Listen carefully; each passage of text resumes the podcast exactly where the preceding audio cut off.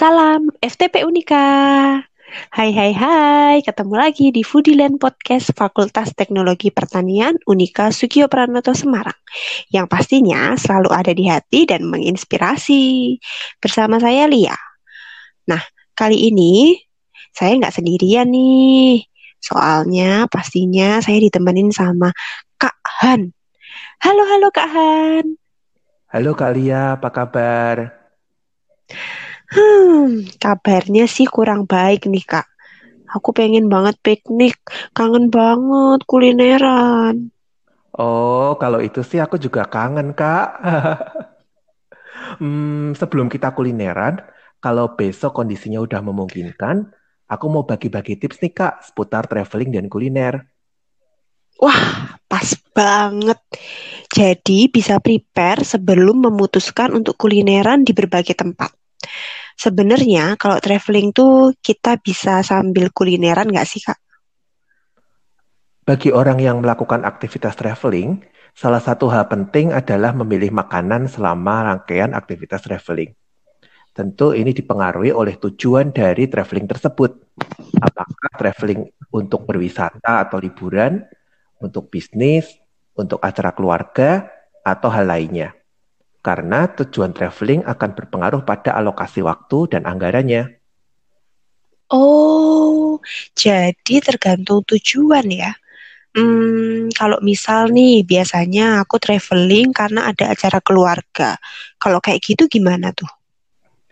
Jika traveling dilakukan untuk tujuan acara keluarga atau bisnis, mungkin pemilihan makanan akan menjadi lebih terbatas dibandingkan traveling untuk berwisata atau liburan karena waktu yang tersedia umumnya tidak terlalu longgar atau bisa jadi makanannya sudah disediakan oleh pihak penyelenggara acara.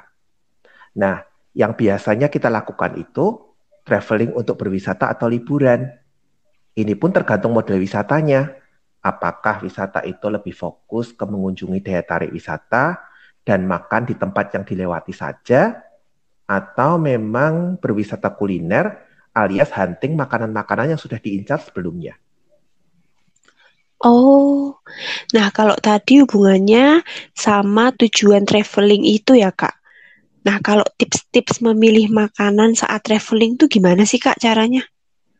Hmm, gini, yang pertama kenali diri kita. Tiap orang itu memiliki kondisi tubuh dan sensitivitas yang berbeda terhadap makanan. Jadi kita perlu mengenali diri kita.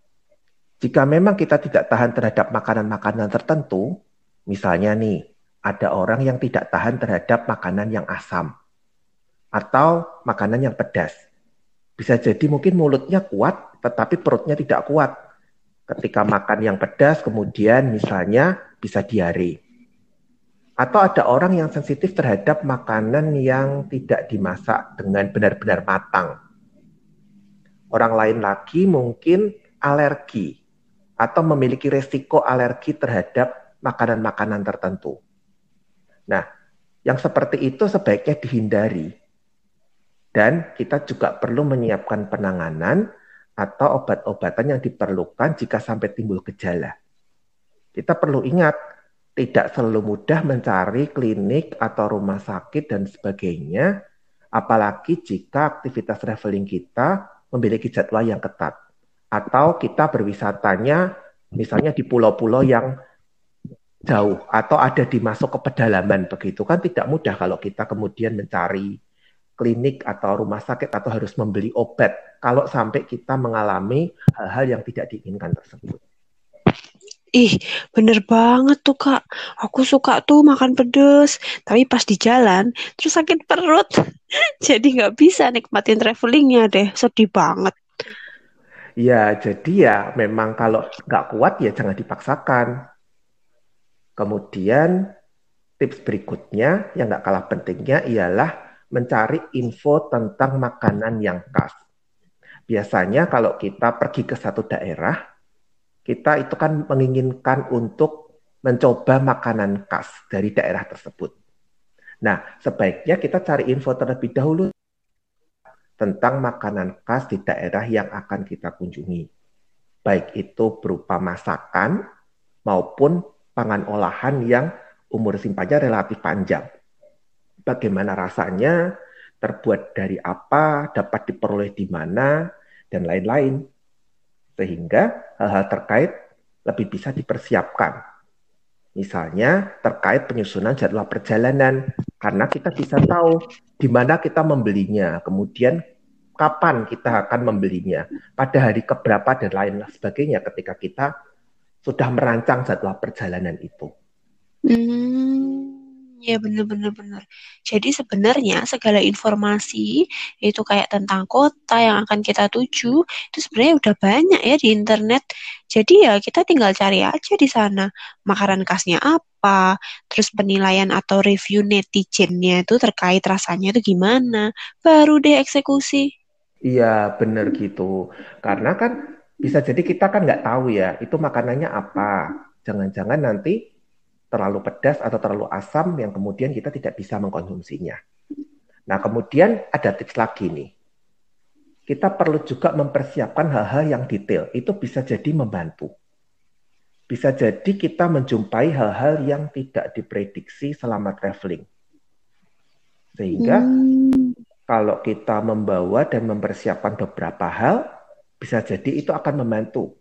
Tentu saja ini tergantung dari destinasi kita Nah, misalnya yang umum nih, kalau saya membawa botol minum sendiri, ini akan sangat menolong karena kita tidak usah kemudian bingung mencari air minum begitu ya. Mungkin ada teman-teman yang kalau pergi itu males ah bawa botol minum begitu, berat dan lain-lain. Tapi kalau kita punya sendiri itu akan lebih baik daripada kita nanti pergi ke satu tempat ternyata tidak ada orang yang menjual air minum kemudian kita sampai bingung mencari air.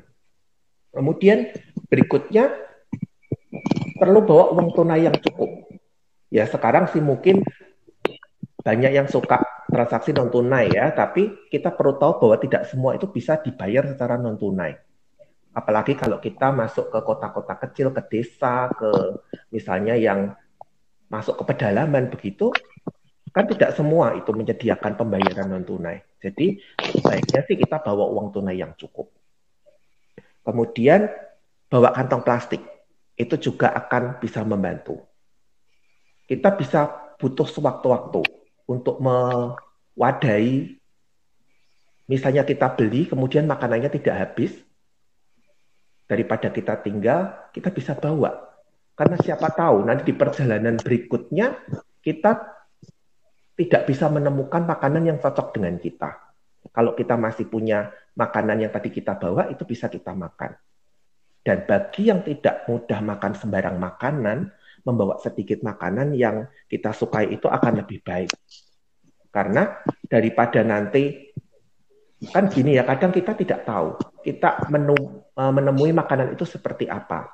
Kalau ternyata kita tidak suka atau itu terlalu pedas atau mungkin kita alergi terhadap makanan tersebut, kita tidak bisa makan kan alangkah lebih baik kalau kita sudah memiliki makanan yang kita bawa itu. Jadi kita bisa makan tidak sampai kelaparan gitu Kak Lia. Hmm, ya bener-bener bener. Ini kayak aku nih sukanya lapar di jalan, bener banget nih. Um, seru banget ya. Aduh, kalau udah ngomongin persiapan traveling, pengen banget cepet-cepet piknik dan kulineran nih. Ah, makasih banget ya Kak Han buat tips-tipsnya yang pastinya sangat menginspirasi kita semua.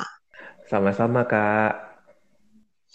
Oke, Sobat Foodieland Podcast FTP Unika. Kayaknya kita udah ngobrol banyak nih sama Kahan. Kalau gitu, kita pamit dulu ya. Sampai ketemu di podcast selanjutnya. Salam sehat dan tetap semangat.